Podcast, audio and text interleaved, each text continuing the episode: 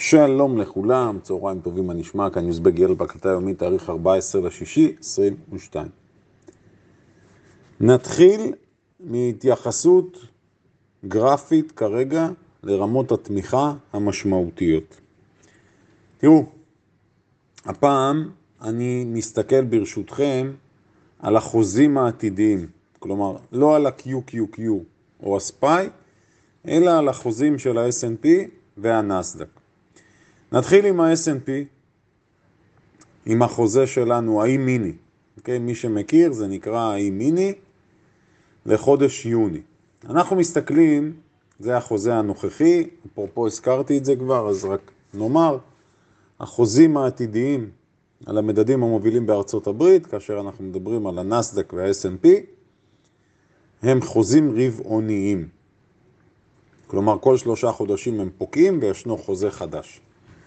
עקרונית, לפי התמיכה של ה-S&P, אנחנו מדברים על רמת ה-3,500.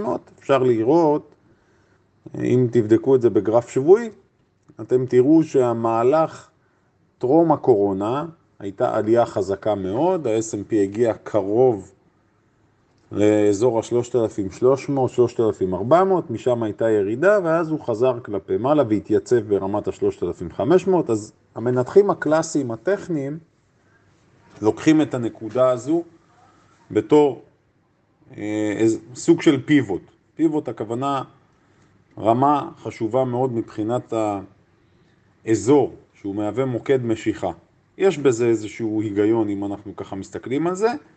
וגם אני אלמד אתכם עוד איזשהו טריק קטן, גם מבחינת אה, חשבון מתמטי יבש, אפשר לראות שזו נקודת אמצע. אם אני מסתכל על השפל בקורונה, אז המדד בנקודה הנמוכה ביותר, ראינו אותו יורד לאזור ה-2,100, 2,200, והוא עלה עד 4,700, ולכן אנחנו בערך באזור הזה, מדברים על 50 אחוז, לכן, לכן זו נקודת פיבוט.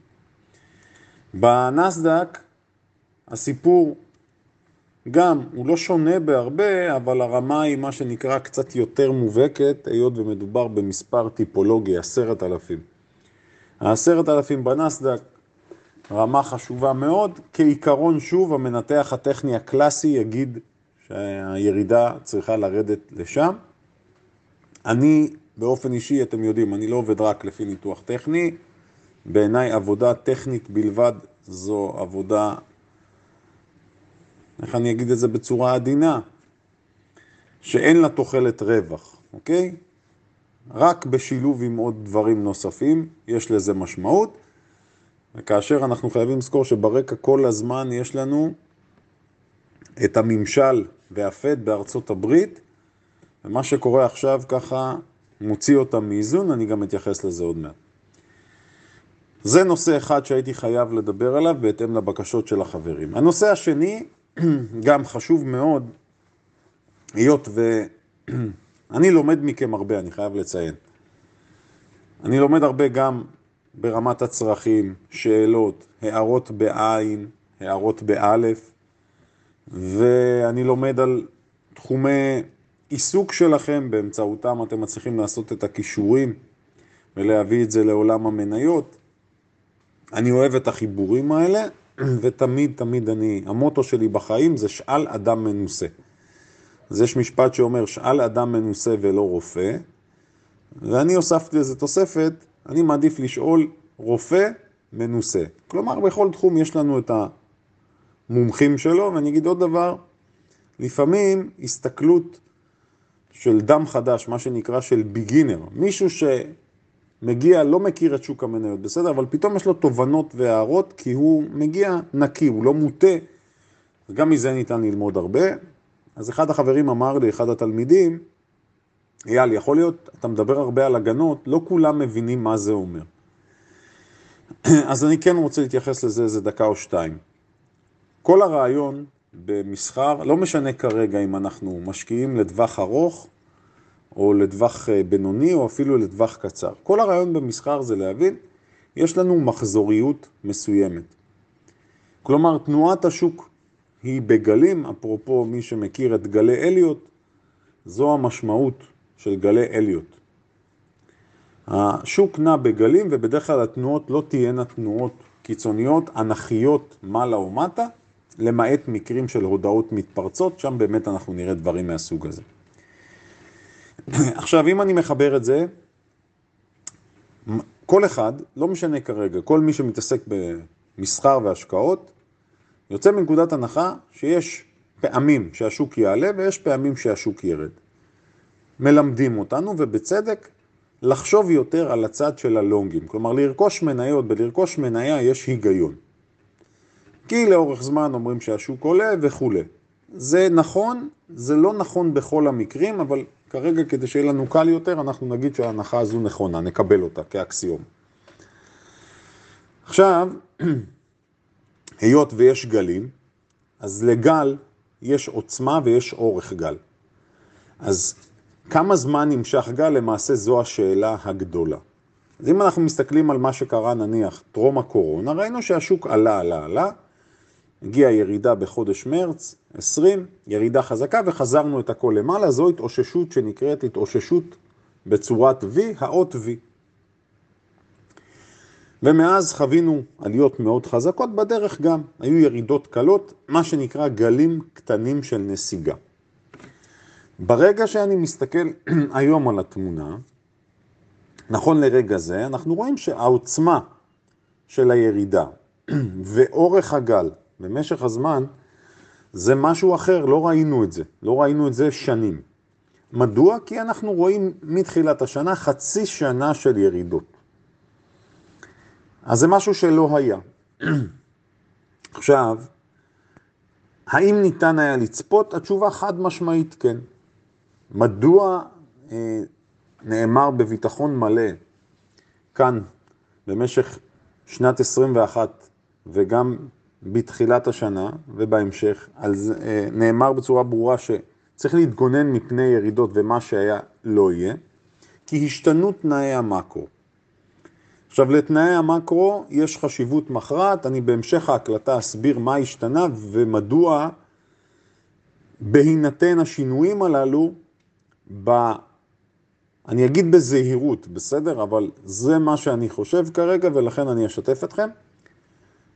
למעשה בשנה הקרובה יהיה מאוד קשה לשחזר את מה שראינו בשנים האחרונות של העליות, בגלל נושא המקרו ועוד מעט נדבר.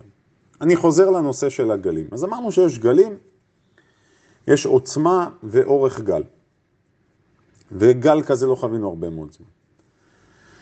עכשיו, המשקיע והסוחר הנורמטיביים חושבים לונג. אנחנו אומרים, משקיע מתוחכם חייב להבין שיש גם שורטים, כלומר, יש גם ירידות בשוק. הדילמה התמידית היא, האם כאשר ירידה מתחילה, אני מדבר כרגע על השוק, אני לא מדבר על מניות ספציפיות, מדוע? כי יש הבדל גדול בין להתעסק עם מניות ספציפיות לבין להתעסק עם השוק כולו. היות ומניה ספציפית יכולה לרדת גם במהלך שוק עולה, אנחנו נראה הרבה מאוד מניות שיורדות, זה טבעי וזה בסדר, בגלל הודעות כאלה ואחרות, כלומר, אנחנו קוראים לזה בניהול סיכונים סיכון ספציפי. כל כניסה למניה בודדת קיים, או קיימת האפשרות שהיא תרד, היות ויש לה את הפעילות שלה ויש לה את הסיכונים, הסיכונים של פגיעה במניה בודדת תמיד גבוהים יותר מהסיכויים של פגיעה בשוק כולו. זה א' ב' בניהול סיכונים, ולכן אנחנו מדברים תמיד על הלוקציה נכונה, כלומר, כמה אחוזים מותר לי להשקיע במניה בודדת מול סקטור או מול השוק כולו. אני מדבר על השוק כולו עכשיו.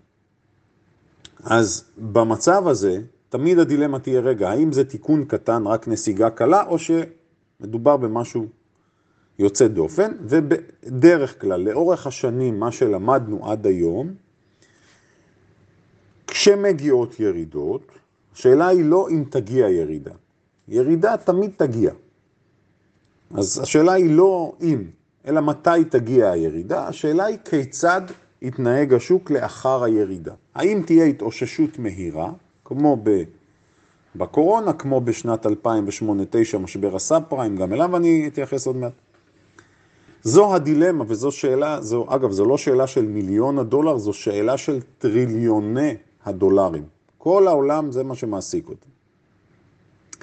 עכשיו, אם אני מנהל תיק מניות שהוא תיק מגוון, ואני עושה את זה בצורה נכונה, ואני חושש מירידה, כמו שדיברנו על לפתוח הגנות, מה למעשה אמרנו?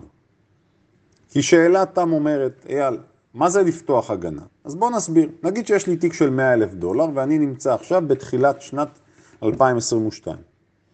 האפשרות שלי, הכי פשוטה, זה לקחת את תיק המניות שלי, את כל מה שאני מחזיק בתיק, לא משנה אם יש שם גם ספיי ו-QQQ ואפל ו-NVDA ומה שאתם לא רוצים, אני מוכר את כולו. אם מכרתי את כל התיק, למעשה אני נטול סיכון.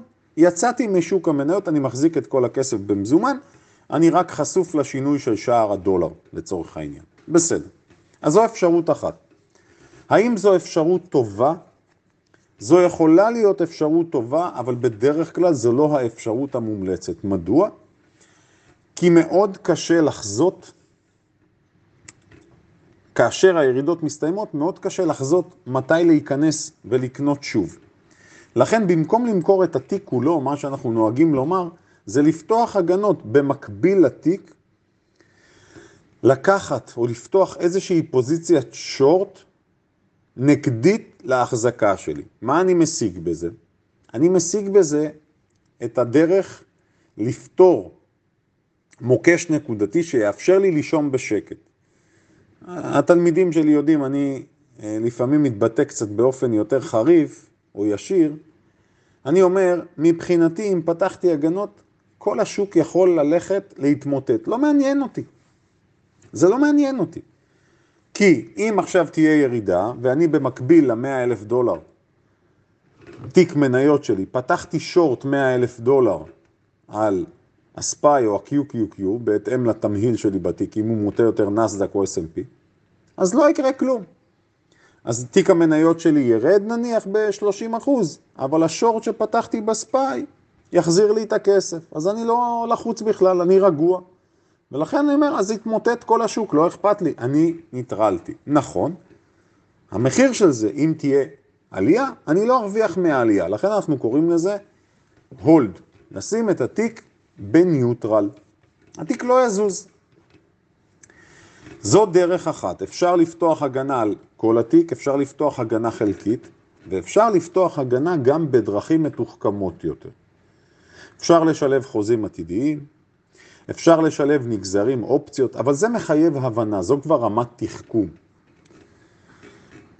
אבל בכל מקרה, היום בעולם של השנים האחרונות לפעול מבלי לדעת את זה או בלי להשתמש בזה, זה פשוט לא חכם. מה היתרון הגדול בפתיחת ההגנות הללו? אני יכול לסגור את ההגנה מתי שאני רוצה, ולהמשיך להשאיר את התיק שלי. כלומר, נניח עכשיו, כן? אני אגיד בצורה הכי ברורה, מי שעדיין מחזיק הגנות, זו ההזדמנות הטובה ביותר לסגור את ההגנות, למרות שיכול להיות שתהיה ירידה נוספת של עוד עשרה, עשרים אחוז, נניח. לא מפחיד. מדוע? כי החלק הארי של הירידות עברנו אותו. האם זה בטוח שעברנו אותו? לא. אבל אני תמיד אומר, אי אפשר להתעסק במסחר, השקעות או להיות יזם וכל הזמן לפחד ולחשוש. העולם לא.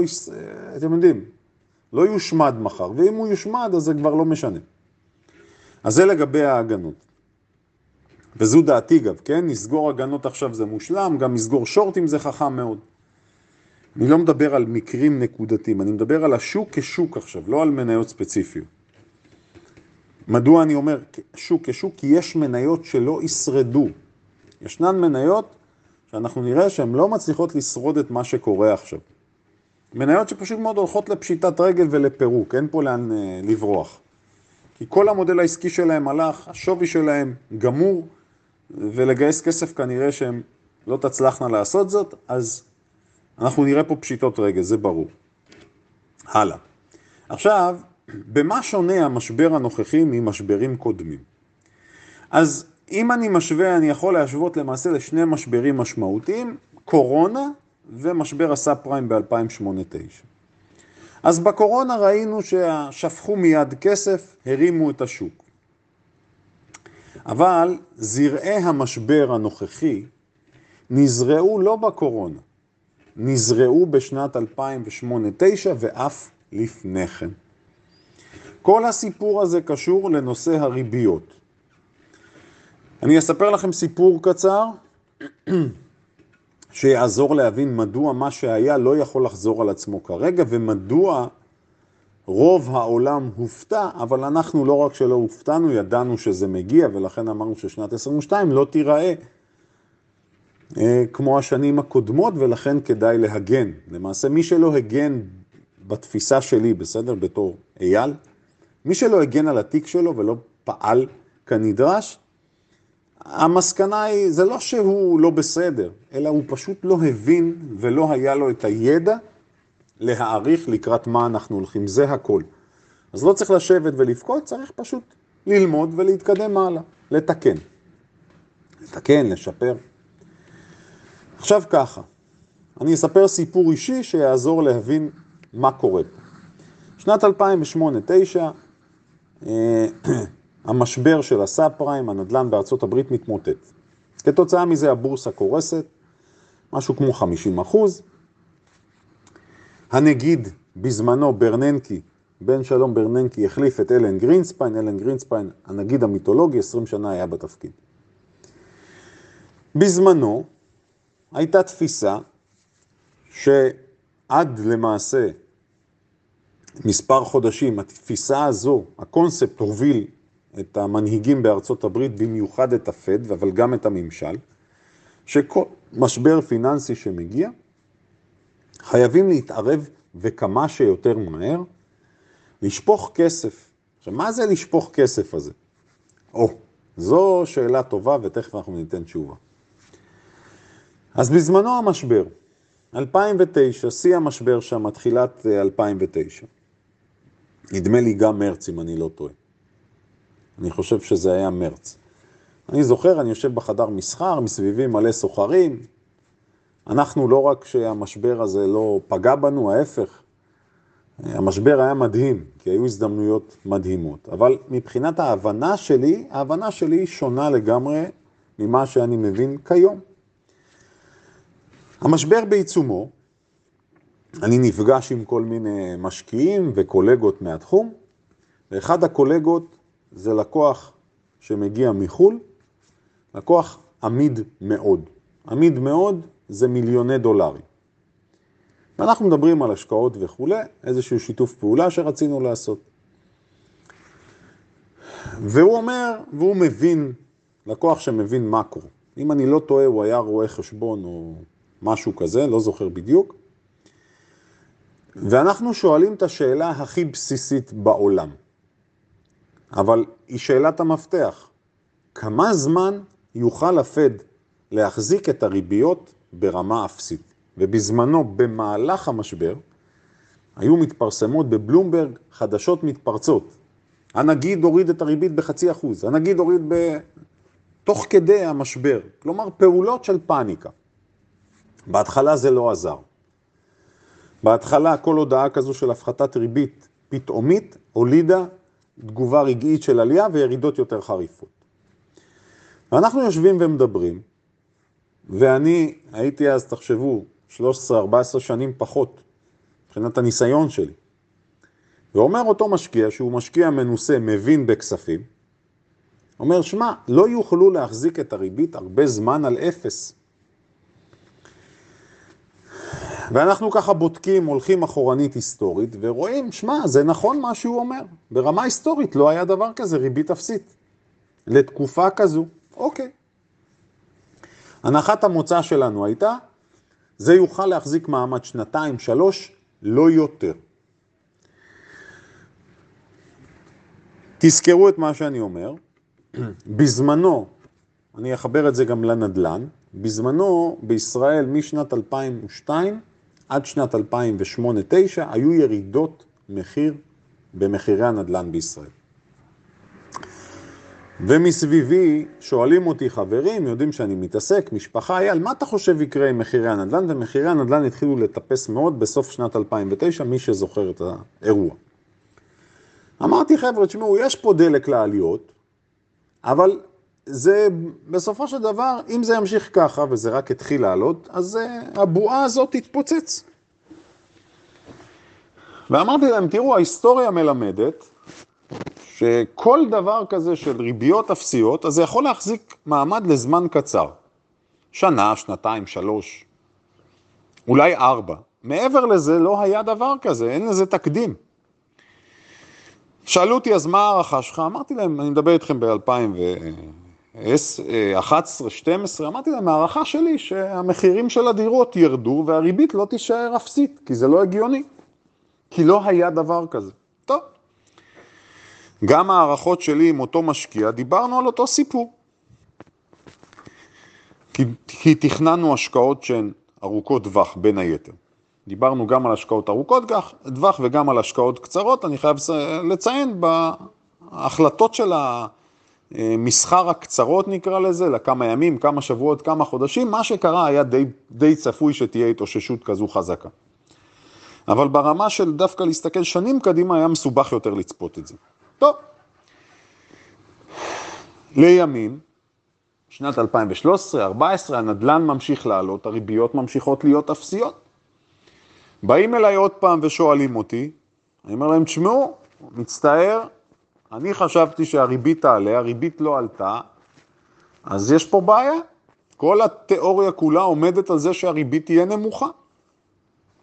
ברגע שזה לא קורה, אז אני חושב שמחירי הנדל"ן יכולים להמשיך לטפס, לא יודע באיזה קצב, אבל אנשים פשוט הוציאו את הכסף מהבנקים, אני זוכר את זה, כן? מה שקורה עכשיו לא חדש. מי שחי את השוק יודע שזה כבר היה בעבר. והכסף זורם לשם, ומסביבי, אני מדבר איתכם מסביבי, כולם מתעסקים והתעסקו אז, בתקופה ההיא, כולם חיפשו לקנות דירות. קרקעות, מה שאתם לא רוצים. אוקיי. והריבית ממשיכה להיות נמוכה, נמוכה, נמוכה, נמוכה. והדבר המוזר, וגם לזה אני לא מכיר תקדים היסטורי, אולי חברים יודעים מה היה לפני עשרות רבות של שנים. הריבית ממשיכה להיות נמוכה, מתנפחת בועת האג"ח, אותה בועה שאני מדבר עליה כבר איזה שנתיים בערך, ואני אומר שזה לא תקין. עכשיו, איפה נפל לי האסימון? איפה נפל לי האסימון שהדברים הולכים להשתנות? בעבר היו ניסיונות של הפד להרים את הריבית. כל ניסיון להרים את הריבית הוביל לירידה, לגרזן מיידי בשוק. בסוף 2018 או 2019 הייתה, היה ניסיון כזה, בום, 20% השוק ירד, הופ, הפד מתקפל. מי שזוכר גם היו ציוצים בין פאוול לבין טראמפ על הריבית. עכשיו, מה שונה? אז אני אסביר מה השתנה. האינפלציה שמרימה את הראש שלה עכשיו, לא היה דבר כזה. כשאומרים 41 שנה, אז 41 שנה. ברגע שאני הסתכלתי, אמרתי, טוב, זהו, החגיגה נגמרה. זה היה בשבילי האיתות שהסיפור גמור פה. כלומר, כל מי ש... עוד פעם, מי שחי את החיים של ההשקעות, לא משנה, בכלל השקעות, לאו דווקא בשוק ההון ולאו דווקא בנדל"ן, השקעות בכלל, יודע שאנחנו משווים את התשואה שאני יכול להשיג מההשקעה שלי, אני תמיד אשווה את זה לתשואת אג"ח ארצות הברית לעשר שנים. זה המדד הייחוס. עכשיו, בסוף שנת 2021, כאשר התחילו לדבר כבר על העלאות ריבית, אמרתי ככה, לקחתי כמה שנים אחורה ונזכרתי במה שהיה. עכשיו אני אה, אתן לכם מספר נקודות בהן בזמנו, כן, הפד והממשל בחרו לטפל במשברי עבר. ב-2009 וגם בקורונה. מה שהם עשו ככה, הם חילקו צ'קים לאנשים. חילקו כסף. בוש הבן שלח צ'קים לאנשים, וגם בקורונה חילקו כסף לאנשים. האריכו את האבטלה, אה, בקיצור, ממש נתנו כסף. אז האם, האם היום אפשר לתת כסף? התשובה לא. למה אי אפשר לתת כסף? כי אם ניתן כסף לאנשים עכשיו לבזבז, עוד יותר זה יתדלק את האינפלציה. יופי. קדמו אג"חים. דיברו על קניית אג"ח, רכישות האג"ח. האם ניתן לבצע עכשיו רכישות אג"ח? אותו סיפור, לא ניתן לבצע רכישות אג"ח. למה? אותו סיפור. אם אתה עכשיו תרכוש אג"ח, שוב אתה מציף את השוק בכסף, אתה עוד יותר תתדלק את האינפלציה. מצוין, אז גם את זה אי אפשר לעשות. האם ניתן להוריד ריבית? לא רק שלא ניתן להוריד ריבית, מדברים על זה שמחר, בהחלטת הריבית, יכול להיות שיעלו לא בחצי אחוז, אלא בשלושת רבעי אחוז. אז גם אי אפשר להוריד ריבית, אבל זה מה שעשו פעם. אז עם מה זה משאיר אותנו? זה משאיר אותנו בפני שוקת שבורה מהכיוון של הפד והממשל. כל הדברים האלו, הזרעים נזרעו בעבר. עכשיו תשימו לב, תשואת אג"ח ארצות הברית, 3.36. התשואה הגבוהה מזה 11 שנה. עכשיו נעשה מתמטיקה מהירה, חשבון מהיר. רגע, 11 שנה, אני מוריד, זה לוקח אותי לשנת 2011. קצת אחרי המשבר של הסאב פריים. אבל אני לא יכול להשתמש בכלים שהשתמשתי בהם בזמנו. אני מנוע, כי לא נשארו לי כלי נשק. חיסלתי את התחמושת שלי. זו הייתה למעשה, עכשיו זה ממש סיפור שתופר איך הגענו פה אצלנו למסקנות שאנחנו הולכים לפני שנה קשה, לכן דיברנו על מימושים, הגנות וכולי. ההתאוששות לא יכולה להיות מהירה עכשיו.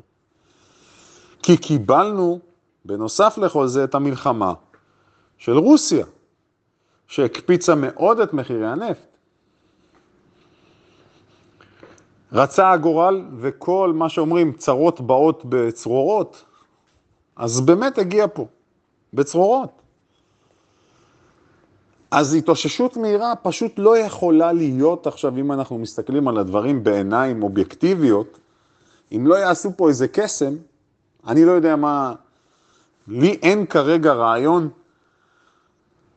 שהממשל או הפד יכולים לנקוט בו למעט התערבות בשווקים. זה תמיד הם יכולים לעשות, להתערב בנעשה בשווקים. בצורה ישירה או עקיפה, לתמוך בשוק המניות. זה יכול לקרות. לכן זה סרט אחר ושונה. מדוע אני אומר שיש פה בצל המשבר הזדמנות? כי הרבה מאוד משקיעים שפספסו את העליות של הקורונה, ואף את העליות לפני כן, וחיפשו נקודת כניסה, מקבלים עכשיו אפשרות לקנות את המדדים המובילים, נסדק ו-S&P, 30 אחוז פחות, 20 אחוז פחות. אתמול ה-S&P נכנס לטריטוריה דובית באופן רשמי, כלומר ירד יותר מ-20 אחוז. אז הם קיבלו הזדמנות. הזדמנות מצוינת אגב. משקיעים לטווח ארוך, יש פה הנחה של בין 20 ל-30 אחוז על המדדים, ויש מניות שההנחה שם היא ענקית. זה צריך להיות סלקטיבי יותר. מי שלא יודע כיצד לבחור מניות, אז דווקא הייתי הולך על קרנות הסל, ולא על מניות בודדות. אז אני מקווה שהתמונה ברורה יותר. עכשיו לגבי נפחי המסחר. נפח המסחר, מי שיסתכל על הווליום הכללי בבורסת נסדק ונייסי, יראה שאתמול הייתה עלייה. באופן יחסי הייתה עלייה, אבל לא משהו שהוא מה שנקרא מסביר פאניקה. נכון, נשברו רמות תמיכה, אז הרבה פקודות סטופים נכנסו לעבודה וכולי, אבל לא הייתה איזו היסטריה מטורפת עכשיו, של פי שתיים ופי שלוש מהממוצע. והשוק סיים באזור הנמוך, אז גם לא להתרשם בבקשה מזה שהחוזים העתידיים היו קצת ירוקים עכשיו. בטווח הקצר הלחץ הזה צפוי להימשך. כלומר, יכולה להיות המשך ירידה כרגע. עוד דבר חשוב, תשימו לב, מה שקורה בעולם הקריפטו, עזבו את זה שזה היה צפוי, כן? אגב, עצה קטנה שנתן לי אחד החברים, מספר חברים אמרו לי, תקשיב אייל, אחד הדברים המעניינים, אנחנו לפעמים חוזרים אחורה לשמוע הקלטות שלך, ופתאום התמונה נראית אחרת, אנחנו מבינים טוב יותר. מצוין, מציע לכם לעשות את זה. תחזרו אחורה ותשמעו מה נאמר. עכשיו בביטקוין הסיפור הופך להיות אה, מעניין. מדוע? ופה אגב אני חייב להגיד לעירד, עירד, מבשר ועוד כמה חבר'ה, עירד היה מאוד מדויק. הוא אמר, כאשר הביטקוין עוד נסחר ב-30, שתהיה ירידה מתחת ל-20. כבוד, חבר שלי, כל הכבוד לך. עכשיו, מדוע הביטקוין צריך לרדת מתחת ל-20? מי שיבדוק את הגרף, תסתכלו על הביטקוין בגרף שבועי. התמונה מאוד יפה. הביטקוין הגיע לשיאו בזמנו ל-20 אלף עם השקתו. בשנת 2017 עם השקת החוזים העתידיים בבורסת CME. אז אם אתם תסתכלו עליו בשבועי, שזה בדיוק מה שאני עושה עכשיו, אז בדצמבר 17 הוא הגיע ל-20 אלף, והוא פרץ את ה-20 אלף בדצמבר 20. ועכשיו הוא חוזר לשם. אז ההיגיון שלנו אומר שה-20 אלף זו רמת מפתח, והשחקנים הגדולים, היות והוא כבר ירד ונגע אתמול ב-21 אלף, 21 אלף, סליחה, כדי להשלים את המהלך, צריכים להוריד אותו מתחת ל-20 אלף כדי לייצר מה שנקרא זעזוע. ובשביל שחקנים ספקולנטים זה הבשר, שם נמצא הבשר האמיתי. אז ינסו להוריד אותו מתחת ל-20 אלף, סביר שהוא ירד גם. לגבי המטבעות הקטנים, המכה היא מכה קשה פה למטבעות הקטנים, רובם לא ישרדו את הסיפור הזה, תראו מה קרה לכל השווי של הקריפטו, איך הוא התכווץ פתאום. ואני מפריד, תפרידו בין המטבעות הגדולים, נניח בין הביטקוין, האיתריום וכולי, למטבעות הקטנים שמבחינתי הונאה אחת גדולה. שוק הקריפטו זה שוק של הונאה אחת גדולה, פירמידה אחת גדולה, למעט המטבעות הגדולים. ככה אני תופס את זה. בסדר? דיברנו על זה מספיק, לא מעניין אותי גם, אני אגיד את זה בצורה... פשוט לא אכפת לי מה חושבים כל חסידי הקריפטו, כל החבר'ה מהכת של הקריפטו, זה לא מעניין אותי. חלילה לא ממקום רע אני אומר את זה, אין להם את הניסיון בעיניי, זה הכל. אז זה נראה כהונאת פירמידה אחת גדולה. עכשיו, אני רוצה לחבר את זה לסיפור של מיקרו-סטרטג'י, למאסטר. מיקרו-סטרטג'י, מהחברה שמחזיקה את הביטקוינים, שדובר על זה שהם יכולים להיכנס למצב של margin call, אם הביטקוין ירד מתחת ל-21,000, כאן צריך להבין, זו הזדמנות שלי להסביר מה זה אומר margin call. אז אמרנו שמרג'ין קול זה מצב שאני בחשבון המסחר שלי, מגיע למצב שהברוקר שלי מתקשר ואומר לי, תקשיב חבוב, אם אתה לא מפקיד כסף, אנחנו סוגרים לך את הפוזיציה. וזה מה שקורה אצלם כרגע, אם הביטקוין ירד מתחת לשער הזה של ה-21,000. עכשיו, זה לא אומר שהם יפשטו רגל, אבל זה מייצר לחץ. וכתוצאה מזה שהם נכנסים למרג'ין קול, עם כל הכבוד בסדר, כל השווי של החברה זה שני מיליארד דולר, כן? זה לא באמת כזה מעניין מישהו, בואו נהיה מציאותיים, כן? כל הרעש והצלצולים, חברה של שני מיליארד דולר נכון לעכשיו. זה שהיא נסחרה באלף ומשהו גם לא מעניין כבר. אבל הם, כמשל, יש הרבה מאוד גופים עכשיו ממונפים בשוק, דיברנו על הקרנות גידור, דיברנו על החברות נוסטרו, הם ממונפים, הגופים הללו, ועכשיו הלחץ הזה בשוק כולו יכול לגרום להם לקריסה. אני לא בדקתי בוודאות, כן? אבל אני אומר לכם שבימים הקרובים אנחנו נשמע עוד ועוד סיפורים של קרנות גידור שפושטות רגל בישראל ובארצות הברית. התעשייה בישראל היא לא גדולה יחסית. יש משהו כמו 150-200 קרנות גידור בכל מיני גדלים. בוודאות אתם תראו פשיטות רגל, במיוחד במי שמתעסקות נניח בקריפטו. אבל גם מי שמתעסקות בנכסים אחרים, כי יש פה השפעה רוחבית. האימפקט של אותן חברות כשהן יוצאות מפוזיציה ממונפת, גם אם הן לא חברות גדולות, הן יכולות להשפיע. אז לדעתי, בין היתר מה שקורה עכשיו זו הנזלה כפויה של אותם גופים משמעותיים. וואו, הקלטה יותר מדי ארוכה. אה, אז אני עוצר, כי היו לי עוד הרבה דברים לספר לכם, בין היתר על נהגי האוטובוסים בישראל, יש מחסור באלפי נהגים, אבל מחר אני כבר אדבר, ועוד כל מיני נושאים שהכנתי. שיהיה לכולנו יום מסחר מוצלח ומהנה. מי שמצליח להגיע לסוף ההקלטה הזו, מקבל ממני צל"ש. ביי.